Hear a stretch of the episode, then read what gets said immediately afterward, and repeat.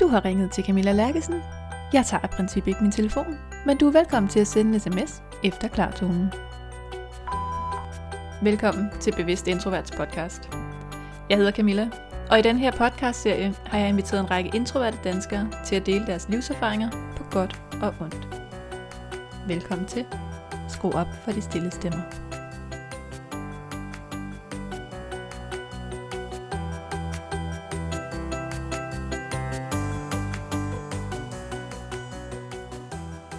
Så vil jeg gerne byde velkommen til dig, Henriette Clayton. Tak. Og jeg har glædet mig virkelig meget til at have dig med i studiet og tale om enagrammet og typerne og ikke mindst instinkterne. Ja, og tak fordi jeg må være med. Selvfølgelig. Og øhm, jeg kunne rigtig godt tænke mig, at øh, du fik lov til at præsentere dig selv også lidt. Ja, det gør jeg med glæde. Jamen, øh, jeg hedder som sagt Henriette Clayton, og øh, jeg øh, har arbejdet med og øh, studeret og undervist i enagrammet nu i snart øh, 20 år.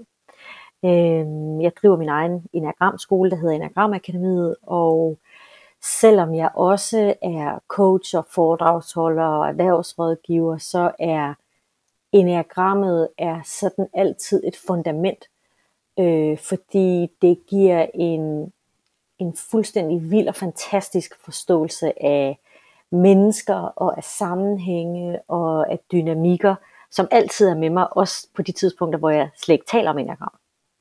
Hvor stod du egentlig på enagrammet første gang? Jamen altså, det føles som om enagrammet landede i skødet på mig. Øh, jeg havde været øh, i løbet af mine 20 år sådan øh, en meget ambitiøs ung kvinde. Jeg havde været i, i udlandet i en årrække og gøre karriere, hvilket betød, at jeg arbejdede mig selv helt ned under gulvbrædderne.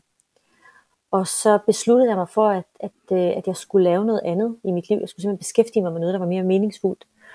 Og så lander jeg øh, i en øh, lille virksomhed, som tilfældigvis, hvis man tror på det, øh, beskæftiger sig med enagrammet.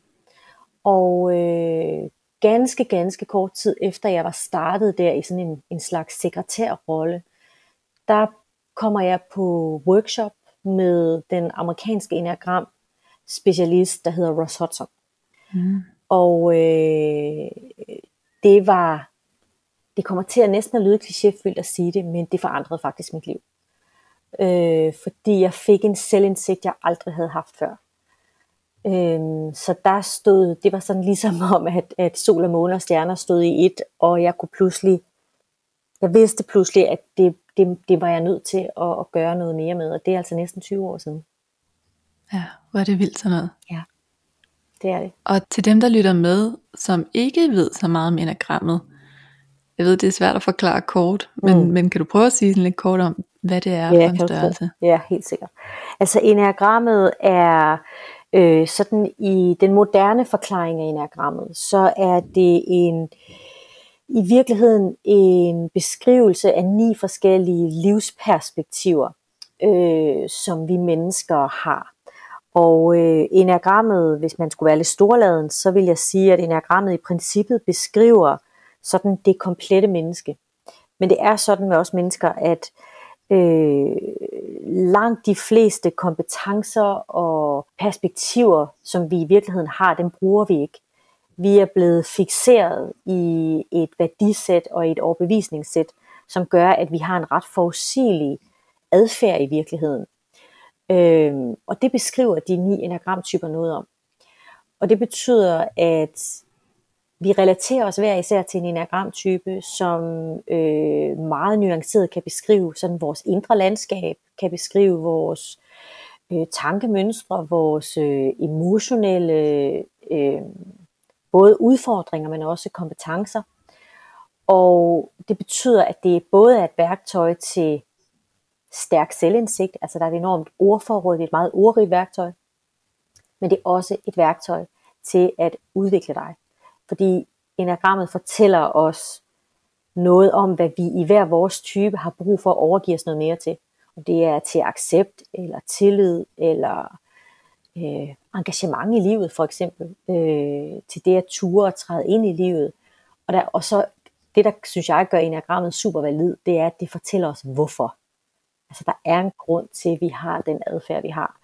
Øh, og når vi forstår den, så kan vi også langt bedre rumme os selv. Vi kan langt bedre have øh, medfølelse og selvkærlighed med. Og vi behøver ikke at være så hårde ved os selv, når vi forstår, at der er altså en grund til, at vi gør, som vi gør. Jeg kan enormt godt lide det, du siger om, at det er meget ordrigt, Ja. enagrammet. Ja. Fordi jeg kan, jeg kan virkelig genkende, at når jeg taler med andre, der arbejder med enagrammet, så behøver man bare at sige kompetencetype, eller femmer, eller etter, Ja. og så ved ja. vi godt sådan, hvad det er, vi prøver at sige. Ja. ja. Og uden at det sådan er for at sætte nogen i boks, men det er netop bare enormt beskrivende. Ja, lige præcis. Og det er en helt central, øh, en helt central del af enagrammet, at det handler ikke om at sætte dig i boks, sådan så vi ved, hvor vi har dig. Det handler om at i princippet at vise hinanden, jeg forstår, hvor du kommer fra. Øh, og øh, det giver mig en større rummelighed, det giver mig en indsigt i noget af det, som du måske ikke selv har kunnet sætte ord på, men som jeg så får en forståelse af i, i min relation til dig. Øh, så, så enagrammet taler både til os selv, men det giver altså også en enorm støtte i vores øh, relationer, og om det er nære relationer, eller kollegiale relationer, eller hvad det nu måtte være. Ikke?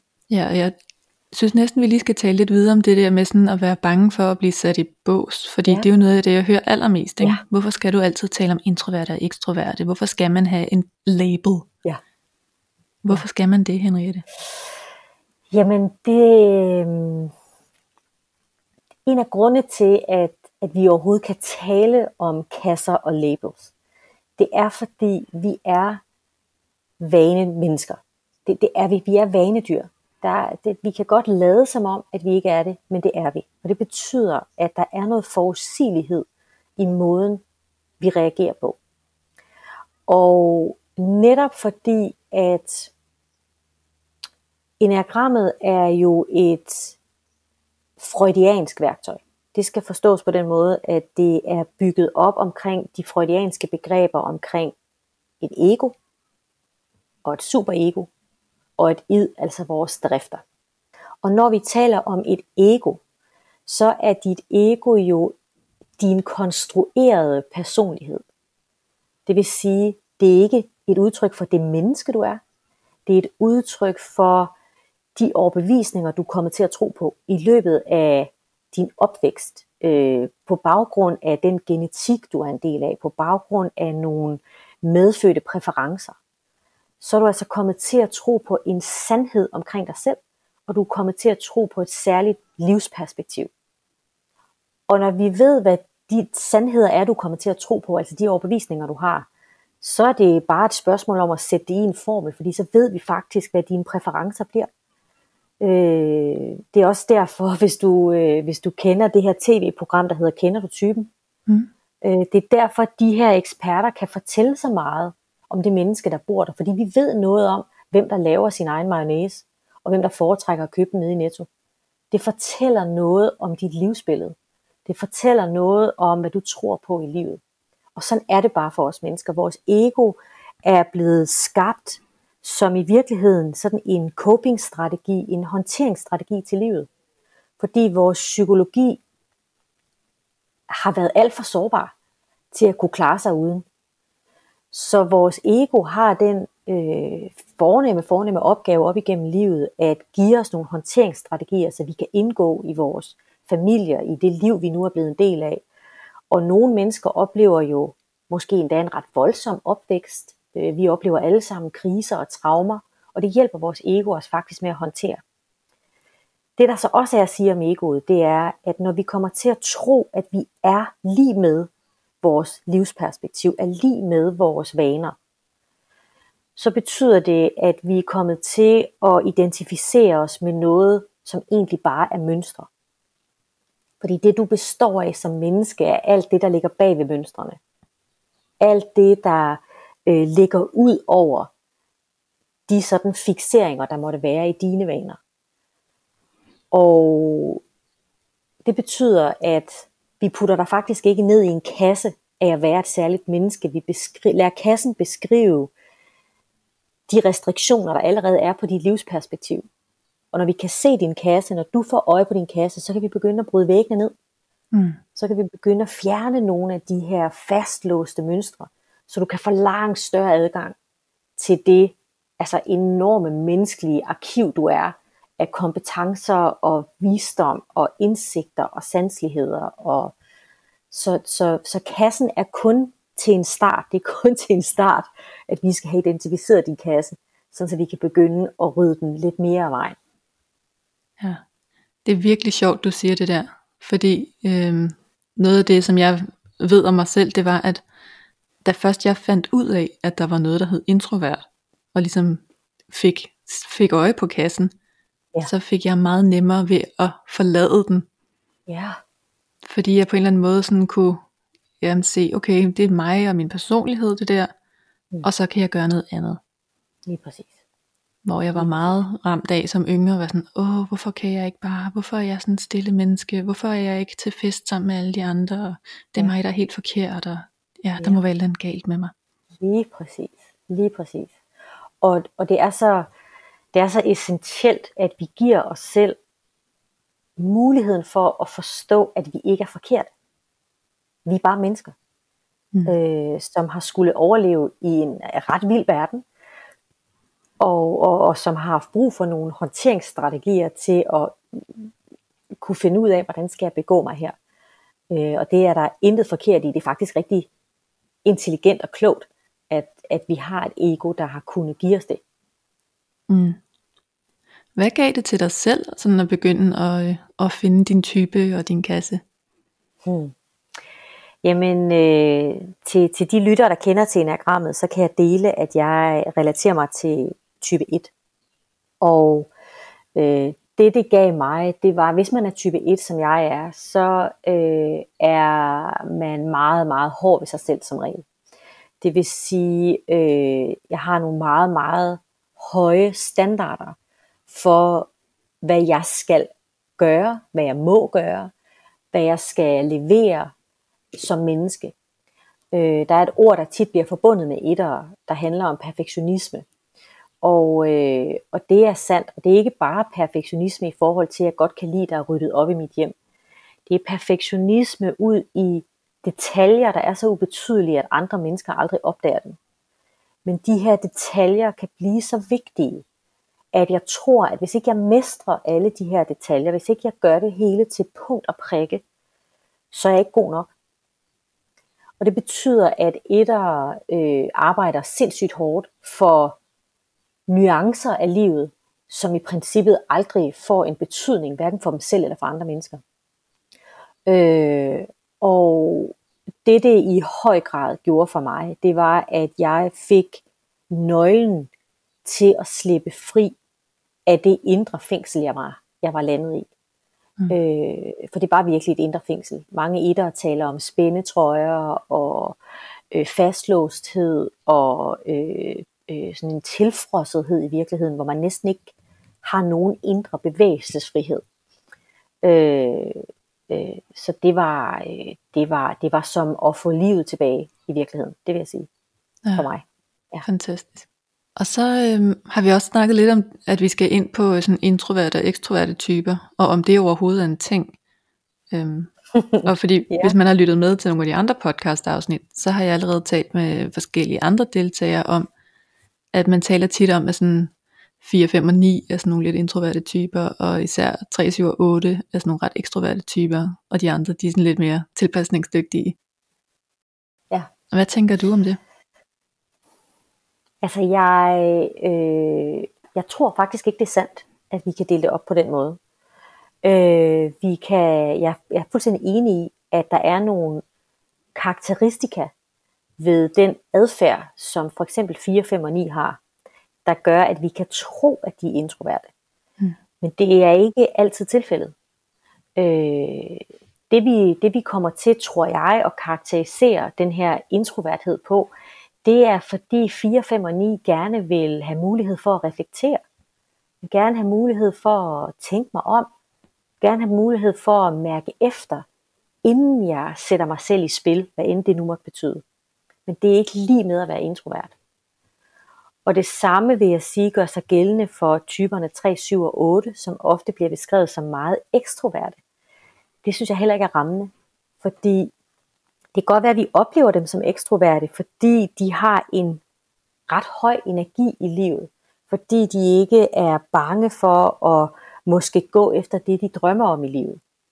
Men det betyder ikke, at de på nogen måde altid er komfortable i det sociale landskab. Det betyder ikke, at de øh, ikke har lyst til at trække sig, at de ikke har lyst til at øh, bare få lov til at være i fred. Så der er mere noget med sådan den ydre adfærd, der, der, kan, der kan snyde os til at tro, at de er meget ekstroverte. Fordi det kan lige så vel være tilfældet, at det er introverte mennesker, som i virkeligheden øh, har brug for at være sig selv, har brug for at være alene, for at kunne øh, lade op, for at kunne finde energi. Mm. Ja, det er rigtigt. Det kan virkelig snyde. Jeg har lige uh, interviewet en introvert syver forleden, ja. og det ville jeg da heller aldrig have troet, at hun ja. kunne relatere sig til at være introvert. Men det var hun helt enormt, når hun først begyndte at fortælle Præcis. om sine vaner, og hvordan hun indrettede sig. Ja. ja. Jeg er selv introvert. Øh, jeg øh, bruger langt, langt, langt størstedelen af min tid i mit eget selskab. Mm. Øh, jeg er ikke særlig komfortabel, når jeg skal ud og være sammen med mange mennesker. Det afholder jeg mig faktisk ofte fra. Øh, jeg tænker klart bedst, når jeg er alene, og når jeg er langt væk fra storbyen. Øh, det betyder ikke, øh, og det er jeg helt sikker på, at du også har noget at sige om, det har ikke nogen indflydelse på, hvorvidt jeg holder af at undervise eller ej. Nej. Fordi det er en rolle, jeg træder ind i. Og når jeg træder ind i underviserrollen, så ved jeg, hvad jeg skal. Jeg kender min plads. Jeg ved, hvad forventningerne er til mig. Jeg kan ikke blive overrasket af særlig meget fra de andre mennesker, der måtte være i lokalet. Så der kan jeg sagtens være komfortabel. Men hvis jeg skal stå foran mange mennesker og bare være mig, så er det en helt anden snak. Ja, og hvor kan jeg godt kende det der. Ja. Altså jeg har intet problem med at tale foran 200 mennesker. Men hvis nogen helt random lige siger, hey Camilla, sig lige hvordan du har det lige nu og hvad du tænker så øh, går jeg helt i baglås. Ja, det forstår jeg. Og, og der er det måske også nyttigt at sige, at en anden grund til, at jeg tror, at, at 4, 9 og 5 både udefra set kan blive kategoriseret som introverte, men at de måske også oplever sig selv som introverte. Det er netop fordi, der er en, hmm, hvad kan man sige, en, en, en, en coping-strategi i både 4, 9 og 5, der betyder, at hvis jeg bliver, hvis jeg bliver bedt om at tage stilling til noget lige nu og her, så bliver jeg usikker. Mm. Fordi jeg har lige brug for lidt tid. Men, men det er måske ikke nødvendigvis et udtryk for, at jeg er introvert. Det er bare et udtryk for, at jeg har en psykologi, der lige har brug for at få lov til at tænke sig om. Ja. Ja, så der er rigtig mange af de her mekanismer, der overlapper. Fordi det er jo også noget af det, man tit siger om introverte. De skal lige bruge et øjeblik til at tænke sig om. Ja. Men det er så også noget, der gør sig gældende for 4, 5 og 9, for eksempel. Ja, det er det. Ja. Og ligesom man siger, ekstroverte, de tænker tit bedst, mens de taler. Og det er jo også noget, jeg kan genkende i 3, 7 og 8 for eksempel, at de sådan er meget hurtigere. Ja. Ja, det er de. Men det er, det er også øh, tænker er sandt omkring 3, 7 og 8, det er, at nogle gange, så taler jeg jo også som en forsvarsstrategi. Mm. Det vil sige, det kan godt være, at jeg ikke er sikker på, hvad jeg skal sige, men så siger jeg i hvert fald noget, så jeg ikke føler mig ukomfortabel. Ja. Så det er ikke sikkert, at jeg siger det, jeg egentlig drømmer om at sige, men så længe jeg snakker, så kan jeg være tryg. Ja, lige præcis. Ja, det overlapper også med mange af de ekstroverte, jeg kender, så jeg kan godt forstå, at det sådan er ret svært at lure, hvad man er, og hvorfor man er det. Og, ja. og så er der også instinkterne, som kan ja. påvirke. Og vil ja. du ikke sige lidt om, hvad de er? Jo, det vil jeg i hvert fald. Instinkterne, hvis jeg lige må gå tilbage til Freud et øjeblik, så mm. er instinkterne det Freud kaldte for idet. Altså vores drifter øh, de øh, evolutionære overlevelsesstrategier, som stadigvæk er en del af os mennesker, men som er, øh, øh, er så primale, at de øh, i virkeligheden ikke har noget at gøre med vores nye, moderne hjerner, sådan historisk set. Øhm, instinkterne er driver, instinkter er øhm, overlevelsesstrategier, som hele tiden er i gang for at sikre, at vi, at vi ikke dør af sult i morgen, for at sikre, at vi bliver ved med at holde, øh, holde arten i live, altså reproducere sig, og at vi har en evne til at på en eller anden måde indgå i samspillet med andre af vores egen art. Det vil sige, at vi på en eller anden måde har brug for fornemmelsen af samhørighed, fordi vi ved, at vi er for sårbare alene. Mm. Øh, og de her øh, instinkter indeholder vi alle sammen.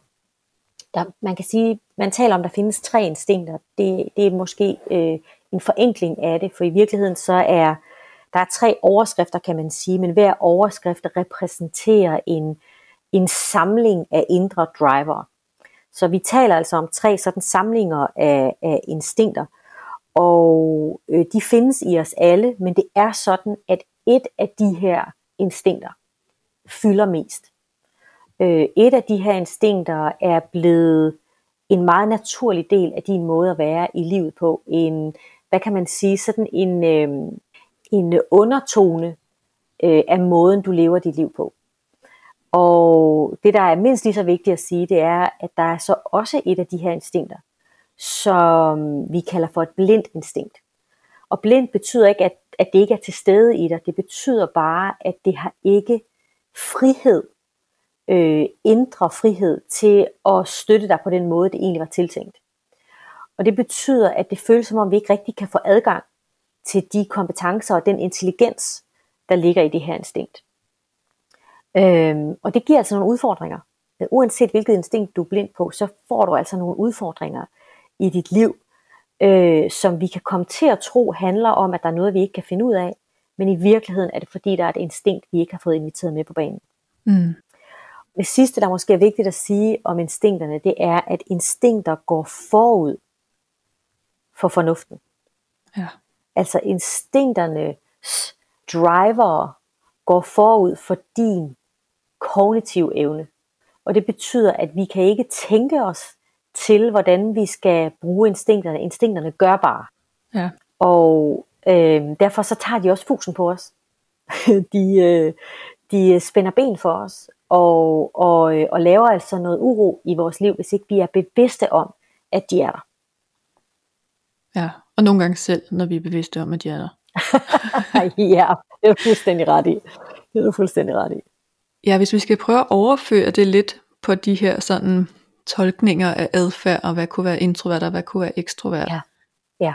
Så har jeg jo en tese om, at, øhm, at instinkterne faktisk også har stor indflydelse på, om vi opfatter os selv som introverte eller ekstroverte. Det er jeg fuldstændig enig med dig. Fedt. Og hvad, er det, hvad tænker du der? Jamen altså de tre instinkter er, øh, hvis jeg lige sådan helt kort skal riste dem op, så er der et instinkt, der bare slet og ret hedder overleverinstinktet, eller hvis vi sådan skal oversætte det direkte fra engelsk, så hedder det selvopretholdelsesinstinkt. Mm. Og det er et det er i virkeligheden det mest primale, det, det, det, det er det først udviklede instinkt øh, i, i levende væsener. Det er jo ikke kun mennesker, der har instinkter, det har dyr og øh, bakterier og andre mekanismer også. Øhm, og øh, overleverinstinktet kan du i princippet sammenligne med sådan nederste niveau af Maslows behovspyramide, hvis du kan huske den. Ja.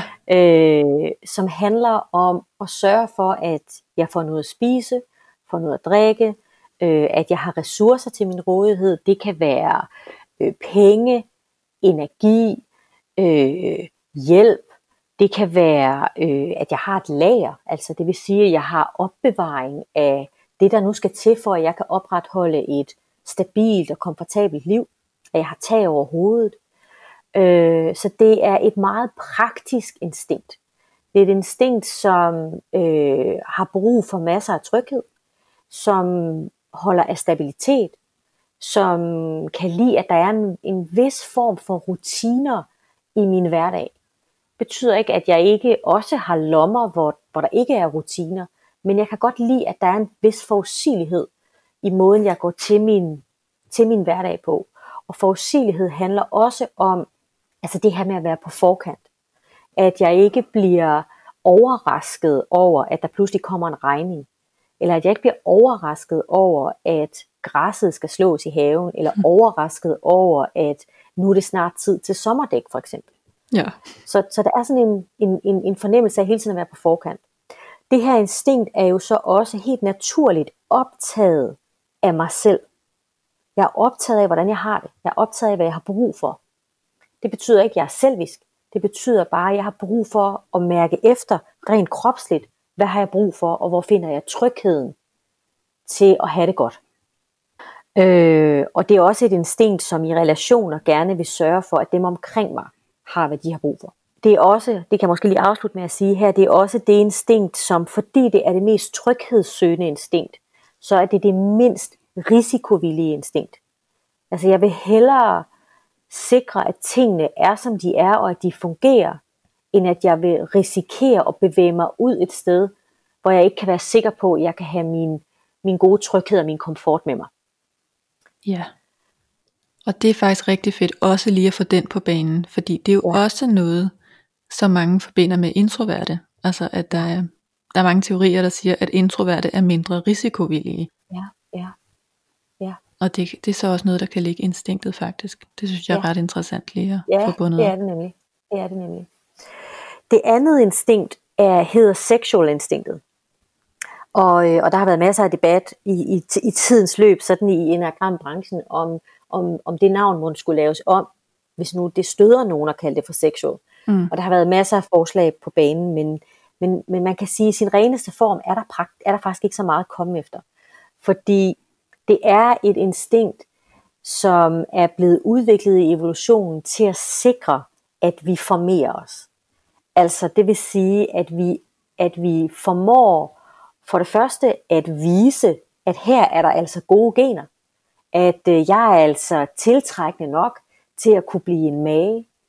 Men også at jeg har evnen til at sådan udsende nogle signaler om, at, at her kunne der altså være en mage, der var, der var interessant. Det minder lidt om, øh, jeg tænker rigtig mange kan drage association sådan til paradisfugle, som jo i paringstiden slår vilde fjerpragter ud og danser for hinanden og hopper og øh, laver sådan vilde paringsritualer. Det er i virkeligheden det, der bor i det her instinkt, at vi slår halefjerne ud, basker med dem og viser, at herover står jeg altså. Og det betyder, at det her er et instinkt med et, en væsentlig stærkere udadrettet energi end overleverinstinktet. Her sender jeg altså energien ud, ligesom sådan et varmegående missil, ud for at se, om der er nogle sonarsignaler, der kan blive sendt tilbage til mig. Så det er et instinkt, som leder efter energi, et instinkt, som godt kan lide intensitet, som godt kan lide den der fornemmelse af at mærke, at her er der altså god energi. Og det kan være god energi mellem to mennesker, det kan være god energi i en samtale, i øh, et stykke musik, i øh, en, øh, en tallerken med smukt anrettet mad, i en smagsoplevelse. Så der er noget intensitet her, der er noget, øh, det er et instinkt, som er ret let at begejstre. Mm. Mennesker, der øh, er primær på det her instinkt, bliver ret let begejstret. Øh, og så kan det være, at det de er blevet begejstret for, når de vågner op i morgen, så, pff, så er den fæset lidt ud. Øh, det er sådan en helt klassisk energikurve for seksualinstinktet. Det her er et instinkt, som er villig til at strække sig meget, meget langt for at øh, leve et passioneret liv. Øh, det vil sige, det er et meget risikovilligt instinkt, modsat overleverinstinktet. Så her strækker jeg mig altså meget langt for at, at opleve, for at blive stimuleret, for at sætte mine drømme i spil, for at øh, få det bedste og det meste øh, og det mest smagfulde og det mest juicy ud af livet. Øhm, så det er, det er et, et mere sådan øh, øh, energifyldt instinkt mm. end overleverinstinktet.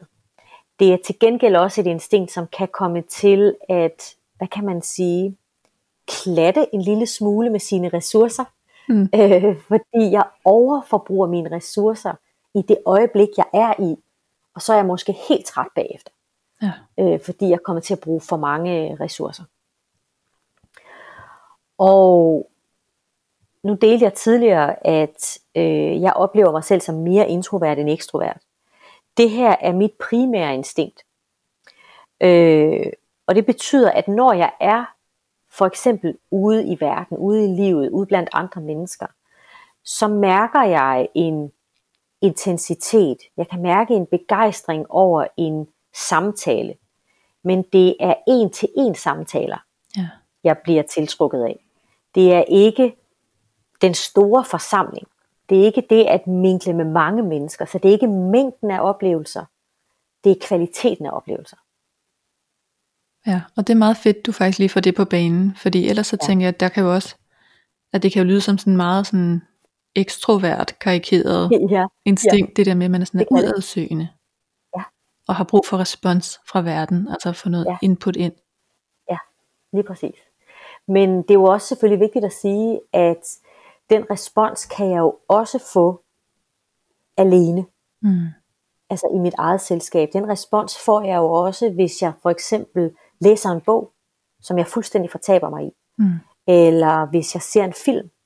Eller hvis jeg pludselig sidder og kigger ud af vinduet, og jeg kan se en, en, en fuldstændig smuk, klar blå himmel, som der for eksempel er i dag.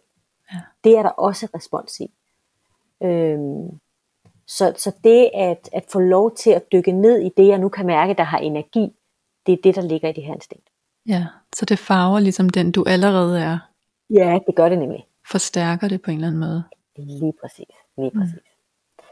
Og det sidste instinkt, som har stor betydning i, i lige præcis det, vi taler om her med introvert og ekstrovert, det er det instinkt, der hedder det sociale instinkt. Det er øh, klart det mest nuancerede instinkt. Øh, det er det mest komplekse instinkt. Det er også det nyeste instinkt i evolutionen. Det er et instinkt, vi ikke deler med øh, særlig mange andre arter.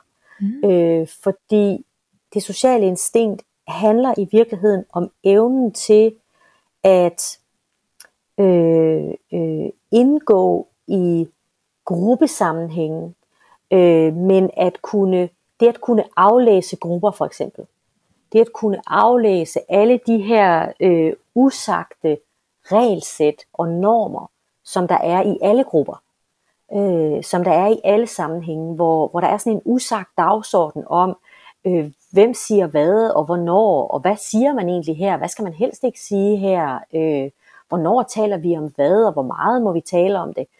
Det er sådan nogle usagte normer. Og det er i princippet det, som det her instinkt er designet til.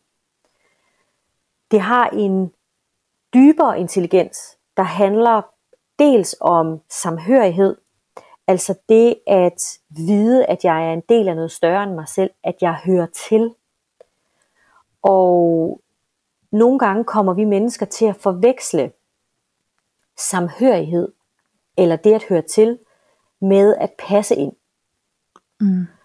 Og når vi skal passe ind, så kommer vi til, så bliver vi tvunget til at, at, at klippe en hæl og hugge en tå, eller hvad man nu siger, eller er det omvendt.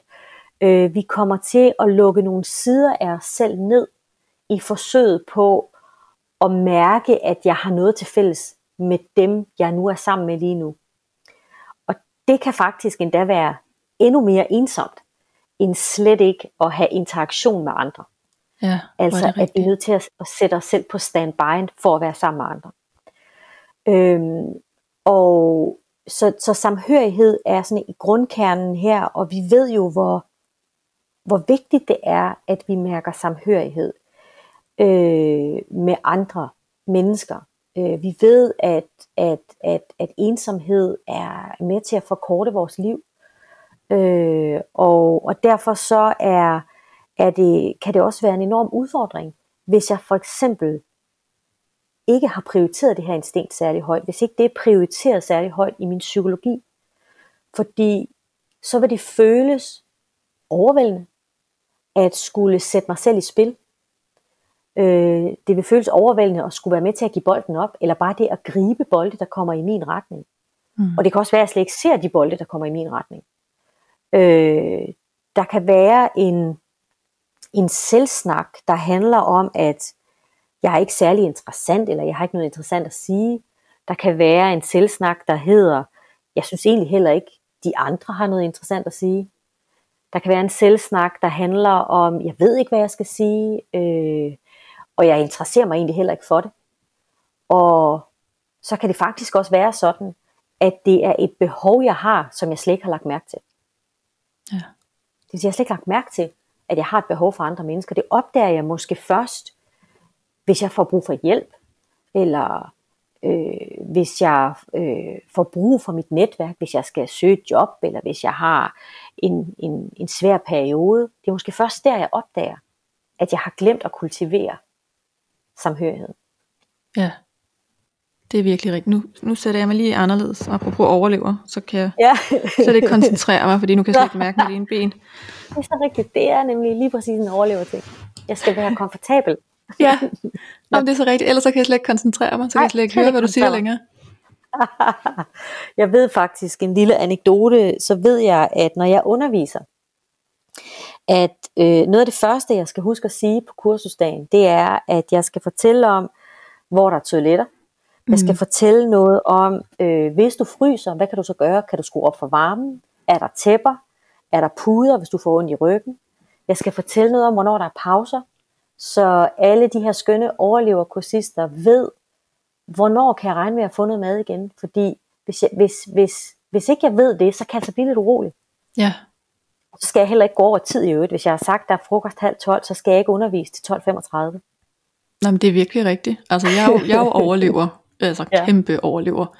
Ja. Og hvis, hvis nogen har lovet mig pause 12.30, så holder jeg op med at høre efter 12.30. Ja. Så det eneste, der Ja. foregår i mit hoved, det var sådan, hvor længe skal jeg forvente at blive siddende her? Præcis. For nu rammen skrevet. Det er så rigtigt. Det er så rigtigt. Ja. Men meget apropos det der med slik og opdage det, jeg er jo så, det er jo Ja. så min øh, stacking, ved jeg, der er nogen, der kalder det. Altså, at Ja. jeg overlever primært. Ja. Og øh, det sociale, det er så mit blinde instinkt. Ja. Og øh, jeg havde sådan en sommer, hvor jeg havde lang universitetsferie. Og der var et tidspunkt, at der var en dag, det gik op for mig. Jeg havde bare gået og hygget, og jeg havde gået lange ture, og jeg var ude og shoppe lidt, og spist is på havnen, og lavet god mad, sådan nogle gode øh, sommersandwiches med grøntsager og noget laks, og virkelig haft det dejligt, været ude at bade og læst på stranden. Og der, der gik syv dage, før det gik op for mig, jeg har faktisk ikke set andre mennesker. Ja. Jeg har Ja. skrevet lidt, sms'et med nogen, men jeg har faktisk ikke set andre mennesker. Nej, det er helt rigtigt. Og sådan er det med vores blinde instinkt. Det tager fusen på os. Øh, det, øh, fordi det der jo er, øh, det der jo er med vores primære instinkt, hvis lige jeg skal hoppe derhen, Mm. Det er jo, at vores primære instinkt får os til umiddelbart at føle os rigtig godt tilpas. Mm. Når vi kan få lov til at indfri vores primære instinkt, så føler vi, at livet er godt. Så føler vi, at det er sådan her, jeg gerne vil leve. Det der bare er med det primære instinkt, det er, hvis ikke vi er vågne over for det, så tager det alle vores ressourcer. Så tager det al vores opmærksomhed. Og så glemmer vi altså, at der er andre elementer til stede i det at leve et, et, et, liv, et velbalanceret liv, som vi simpelthen er kommet til at overse. Så vores, vores primære instinkt er også, er også skyldig i at, øh, at spise vores ressourcer og vores opmærksomhed. Ja, og til en grad, hvor det bliver helt unødvendigt, fordi det, det er langt over, hvad vi egentlig havde behov for. Det er fuldstændig rigtigt. Vi overforbruger det nemlig. Det, det er jeg glad for, at du siger. Det gør vi. Fordi hvis man er overlever, så kan jeg jo komme til at bygge et forråd, som jeg slet ikke har brug for. Øh, Jeg kan komme til at opbygge et lager af mad, af øh, øh, rengøringsartikler, af gadgets, af øh, øh, elementer i mit liv, som jeg måske aldrig rigtig får brug for, eller som ender med at blive elementer i mit liv, som mere holder mig fast, end sætter mig fri til at leve det liv, jeg gerne vil. Mm. Øhm, og, og, og det kan alle tre instinkter altså gøre. De kan altså øh, komme til at blive overforbrugt i en sådan grad, at vi faktisk øh, vi glemmer os selv, og, og vores trivsel kan faktisk komme til at lide af det. Ja. ja, det er virkelig rigtigt. Det der også er at sige omkring det sociale instinkt, det er, at alle ni enagramtyper. Alle ni enagramtyper, uanset om det er øh, nogle af de typer, der har et højt tempo og, og, og, og lever et meget udadrettet liv, eller om det er øh, de mere afventende typer 4, 5 og 9 for eksempel, så kan alle typer have et blind spot på det sociale. Og det betyder, at du kan, du kan være, nu nævnte du tidligere en, en syver for eksempel, og en syver i enagrammet er ofte en, øh, det er en type, der tit bliver beskrevet som meget sådan øh, oplevelsesorienteret, øh, eventyrlysten, øh, en stor appetit på livet, øh, noget med at, at, at, at, at, at gerne ville øh, sætte sig selv i spil, og måske endda gerne sådan hele tiden være sammen med mange mennesker. Men det er for forsimplet, fordi hvis jeg samtidig med at jeg syver er blind på det sociale, så kan det være, at jeg egentlig har lyst til at kaste mig ud i livet, men der er noget, der holder mig tilbage. Ja. Så så bliver det pludselig til en indre konflikt. Øh, og på samme måde kan jeg være en, for eksempel type 5, som du selv er, mm. som jo er en type, der øh, holder meget af øh, refleksion, øh, det at forstå kompleksiteter, det at fordybe mig, det at have tid til eftertanke. Øh, men jeg kan samtidig godt have det sociale som mit primære instinkt. Det betyder ikke, at jeg nødvendigvis føler mig komfortabel ved at kaste mig ud i en hvilken som helst social situation. Det er slet ikke sikkert, at jeg gider at bruge tid og ressourcer på det. Men hvis jeg fik muligheden for at være sammen med 20 andre, som beskæftigede sig med det samme område, jeg beskæftiger mig med, hvor jeg virkelig kunne få nogle interessante samtaler, så ville det være fedt. Ja. Så det sociale instinkt kan sagtens være der, uden at jeg nødvendigvis er et menneske, der hele tiden har et behov for at være ude og give mig i kast med nye mennesker. Ja, det giver rigtig god mening. Og hvis vi så skal prøve at overføre instinkterne lidt på de her sådan, nuanceringer af introvert og ekstrovert. Ja. Hvordan kan vi så sådan prøve at lave det puslespil? Altså der er ingen tvivl om, at hvis det sociale instinkt er dit blind spot, hvis det er det instinkt, der fylder mindst, så vil jeg tro, at du øh, er mere introvert end de fleste. Mm. Øh, sådan som jeg forstår begrebet introvert og ekstrovert, og nu korrigerer du mig endelig, hvis jeg tager fejl, ja. så er det jo en nuancering. Mm. Øh, det vil sige, at jeg er ikke enten introvert eller ekstrovert.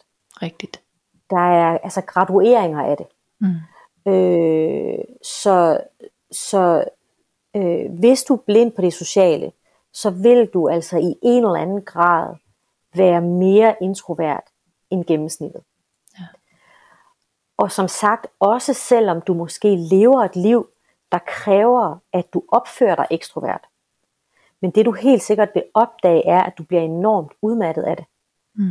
At du længes efter at kunne få lov til at bruge mere tid med dig selv. At du længes efter at kunne få lov til at trække dig mere. At du har mere brug for at, at sådan, øh, bakke ind i opladerstationen, så du kan få genopfyldt dine ressourcer. Fordi det er der, du lader op. Så, så det at være blind på, på, på det sociale handler ikke kun om, at det kan være svært for mig helt at aflæse, hvad der er brug for i forskellige situationer sammen med mange mennesker, eller at jeg ikke helt ved, hvordan jeg skal sætte mig selv i spil. Det handler også om, at jeg har simpelthen brug for at oplade på en anden måde, øh, end hvis jeg for eksempel var overlever eller primær på det seksuelle instinkt. Mm. Overleverinstinktet, kan også have en snært, vil jeg sige, af introverthed. Det kan i hvert fald opleves introvert. Og det er fordi, det første jeg er nødt til at gøre, som du lige sagde før, for at være komfortabel, det første jeg er nødt til at gøre, for at jeg synes, jeg har overhovedet overskud til at beskæftige mig med andre mennesker, det er, at jeg skal have styr på mine basale ting.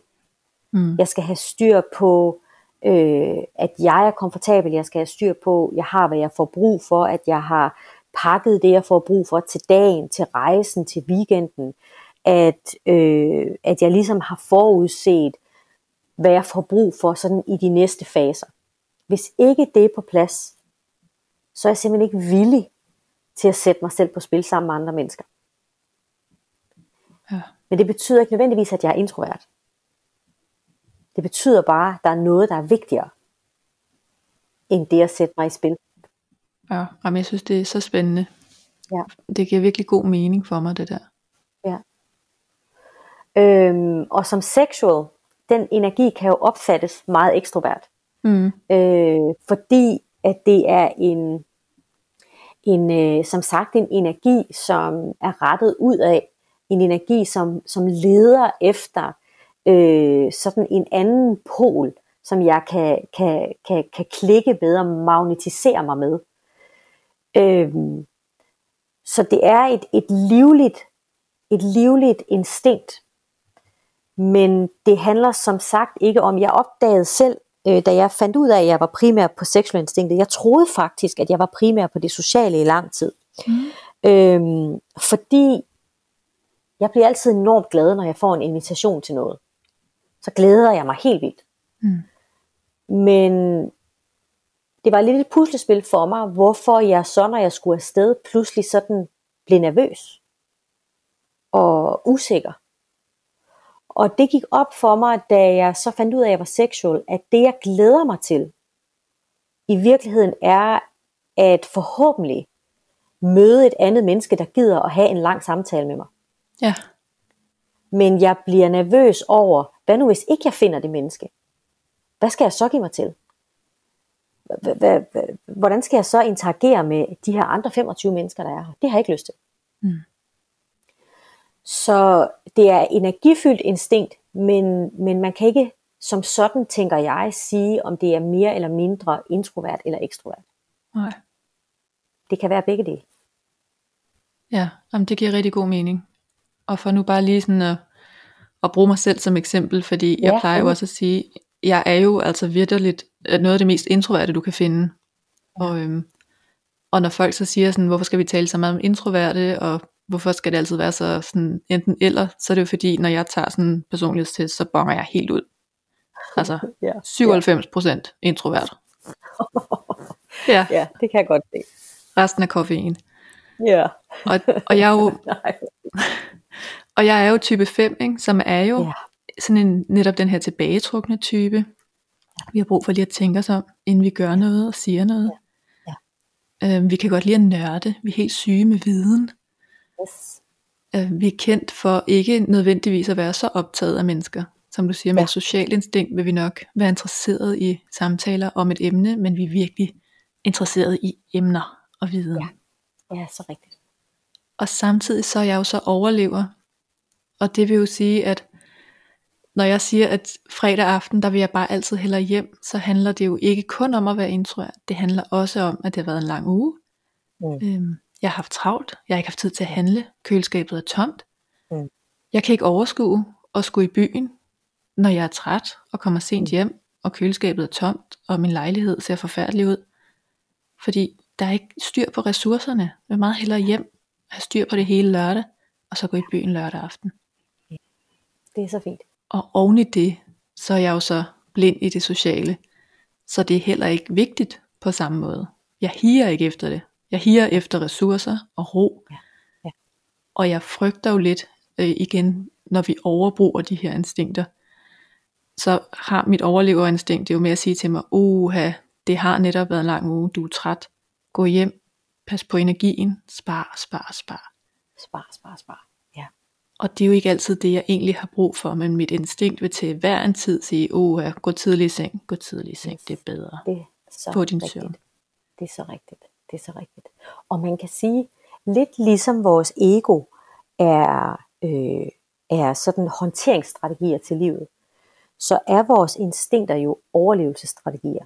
Mm. Og det er derfor, dit primære instinkt siger til dig, sørg nu for at få dækket det her instinkt. Fordi instinktet forstår ikke, at du lever i en moderne verden, hvor du med stor sandsynlighed ikke kommer til at dø af sult i morgen, i hvert fald ikke her i den vestlige verden. Mm. Det forstår instinktet bare ikke. Så med mindre at instinktet har fået den der sikkerhed for, at der er mad i køleskabet, så vil det ikke tige stille. Så vil det blive ved med at sige til dig, sørg nu for. Jamen det, hvor det så kan blive ekstremt, det er jo, at jeg kan jo sagtens, hvis jeg står med en helt lørdag fri, så, og jeg tænker, ej, jeg kunne ringe til nogen, og vi kunne gå ud, og så sidder mit instinkt jo og siger, eller du kunne rydde op på loftet, for det er også vigtigt. ja. Det er så rigtigt. Ja, og det, det kan føles rigtigt. så vigtigt, at det bliver ja. vigtigere end at se mine venner, fordi ja. uh, så får vi styr på det. Yes. Det er så rigtigt. Det er så rigtigt. Ja. Så hvordan skældner man egentlig mellem den der ego-stemme, idet, der siger, bliv hjemme, spar, pas på, når man nu, ja. fordi det, det, du er jo ikke, at vi altid lytter til den, tror jeg hurtigt, Nej. vi kan blive enige om. Altså, øh, nu sagde jeg jo tidligere, at øh, vi kan ikke med vores rationale håndtere instinkterne. Det kan vi simpelthen ikke. Til det er driverne simpelthen for stærke. Mm. De vil til enhver tid trumfe øh, din sunde fornuft. Øh, så det instinkterne har brug for, for at de kan, hvad kan man sige, være så smidige som muligt, for at de her tre intelligenser, som det jo i virkeligheden er, kan være til din rådighed, frem for at du skal stå til rådighed for dine instinkter. Det instinkterne har brug for, at vi gør, det er, at vi øger vores bevidsthed. Så der er sådan i virkeligheden sådan en indbygget lakmustest i instinkterne, at når instinkterne løber af med os, så er det fordi, vi har mistet noget af vores opmærksomhed. Vi har simpelthen mistet noget vågenhed. Øh, vi er kommet til at falde lidt i søvn i livet. Øh, det gør vi jo hver eneste dag. Øh, ja. Det gør de fleste mennesker, jeg kender i hvert fald, det inklusive mig selv. Mm. Øh, så vores instinkter kalder på bevidsthed. Fordi jo mere bevidst du bliver, jo mere du lærer dine instinkter at kende, jo mere du opdager, hvornår instinkterne er på spil, jo mere du kan bruge din bevidsthed til at iværksætte dit blinde instinkt, jo bedre balance vil du også mærke som menneske. Jo bedre balance vil der være i, at alle de her tre helt essentielle områder af dit liv får noget ilt. Og, og det kræver altså bevidsthed, og det kræver, at vi kan... Noget af det, der afholder os fra at tage os af vores blinde instinkt, det er fordi, vi har et superego, der fortæller os, og vores superego er jo den her indre dialog, vi har med os selv, den her indre samtale, vi har med os selv. Øh, dit superego vil sige til dig, at det skal du ikke tage dig af. At det er bøvlet, det er svært, dit superego giver dig ondt i maven, inden du skal i byen, dit øh, superego fortæller dig, at du ikke er særlig interessant og spændende, hvis du er blind på det sociale instinkt. Vi skal lære at overhøre den stemme, og bruge vores bevidsthed til at gøre det alligevel, selvom det er svært. Og det betyder også, at når vi skal arbejde med vores blinde instinkter, så skal vi være realistiske. Vi skal ikke starte med at kaste os ud i de vildeste for eksempel sociale eventyr, fordi så går vi kold i det. Det kan vi simpelthen ikke holde til.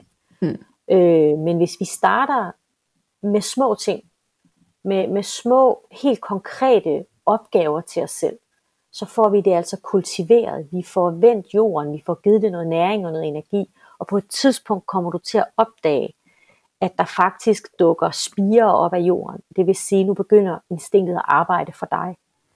Øhm, for din trivsel, for din måde at være i livet på, for din evne til at være sammen med andre og bidrage og stå til service og alt det der, vi ønsker at gøre alle sammen. Mm. Hvad er det for nogle ting, man kan begynde at gøre i det små?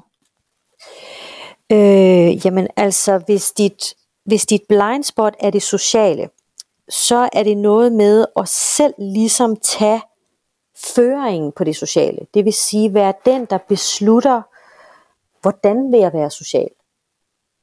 Det kunne for eksempel være, at jeg siger til mig selv, de næste tre invitationer, jeg får, uanset om det bare er til en kop kaffe, eller hvad det måtte være, dem siger jeg ja til. Mm. Øh, det kan også være, at jeg jeg beslutter mig for, at hvis jeg skal være social, så bestemmer jeg selv, hvad omstændighederne skal være. Det vil sige, så kunne jeg for eksempel beslutte, at der er fem mennesker, jeg gerne vil se, og vi skal gøre det på den her måde. At jeg for eksempel beslutter, at vi tager til, øh, vi tager til et foredrag sammen. Så jeg ligesom kan mærke, at jeg har styringen. Øh, jeg havde på et tidspunkt øh, øh, en, øh, en helt vidunderlig kæreste, som øh, var blind på det sociale instinkt. Og noget af det, han gjorde, inden vi skulle afsted, det kunne være til fester eller noget andet, hvor vi måske ikke kendte så mange mennesker, så opdaterede han sig på et par emner, der sådan var op i tiden. Ja. Øh, et eller andet, som vi talte om. Det kunne lige i øjeblikket ville det jo være covid-19, det kunne være dronningens fødselsdag, det kunne være øh, det nye intranet i folkeskolerne. Sådan et eller andet opdaterede han sig på, så han ligesom, hvis han skulle blive fanget i det, han synes var sådan akavet stillhed, så ville han i hvert fald kunne byde ind med det her. Ja.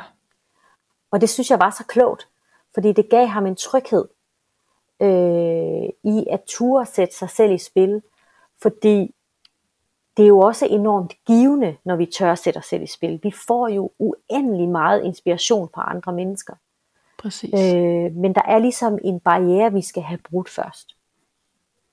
Ja, og der vil jeg faktisk tilføje, for jeg synes nemlig også, den er super god, den der med at opdatere sig. Den bruger jeg også rigtig tit. Ja. Og så tilføjer jeg lige den dimension, der hedder, og har en eller anden anekdote klar om mig selv, så jeg får Oh, ja. mig med også. Åh, oh, hvor fint. Ja, det kan jeg godt se. Fordi det glemmer jeg jo tit. Ja. Det er godt nok en fin vinkel. Det skal nemlig også, der skal være noget af dig i den. Det, det, det giver simpelthen så fin mening. Hvad så hvis man nu øh, har øh, sexual som et blind spot? Hvad kan man så ligesom Ja. træne der? Altså hvis man har sexual som et blind spot, så vil det givetvis være sådan, at din indre kritiker siger til dig, at du skal lige holde lidt igen med sådan helt at slå dig løs. Du skal lige holde lidt igen med at lade dig begejstre, fordi nogen skal jo være ansvarlig. Ja. Så der er en tendens til, hvis man er blind på seksualinstinktet, så, så tager man ligesom ansvaret for, at vi, at vi sådan holder den sunde fornuft i gang. Øh, så det ikke bliver for løssluppet. Så det ikke bliver for øh, random, øh, det vi ligesom bruger energien på. Og sådan i det store perspektiv, der kan det jo faktisk betyde, at jeg ender med at udsætte mine livstrømme for langt. Øh, fordi der er altid en forklaring på, hvorfor jeg lige skal vente. Jeg skal måske lige vente til børnene er flyttet hjemmefra, eller til jeg lige har lidt flere penge, eller til der er friværdi i boligen, eller i hvert fald, nu er vi nødt til lige at skubbe det nogle år, for nu har der lige været covid-19-krise. Og, øhm, så hvis jeg primært på sexual, eller stod hvor jeg blind på sexual, så skal jeg tillade mig selv at lade mig begejstre noget mere. Øh, jeg skal tillade mig selv at slå lidt mere ud med halefjerne. Jeg kan måske også træne det at være komfortabel med nærhed. Komfortabel med, at samtaler også kan være intime. At det kan være en intim oplevelse at lytte til et stykke musik. Altså det her med at hengive mig er, er en måde, og det kan jeg jo gøre derhjemme. Jeg kan jo derhjemme, jeg kunne jo bare trække gardinerne for derhjemme og sætte noget salsa-musik på, og så give mig til at danse. Ja. Øh, og det vil helt sikkert være grænseoverskridende, hvis, hvis seksualinstinktet ikke er stærkt hos dig. Øh, men det er fordi, vi skal have den der sanselighed i gang, som jo er, øh, altså sanselighed er jo alt, hvad der handler om skønhed og æstetik og øh, det at lade sig fylde op og, og, og indtage og hengive sig. Så gør det på dine egne præmisser, så det ikke bliver grænseoverskridende. Ja. Øh, og så lad dig endelig rive med, lad dig begejstre. Slå lidt mere ud med armene, øh, øh, klap lidt højere, øh, giv din jubel til kende. Ja.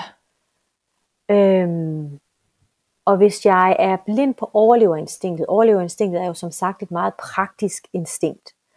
Og øh, hvis du er blind på overleverinstinktet, jamen så vil, så vil det praktiske i livet volde dig problemer. Det vil være svært for dig, du vil måske synes, det er enormt kedeligt.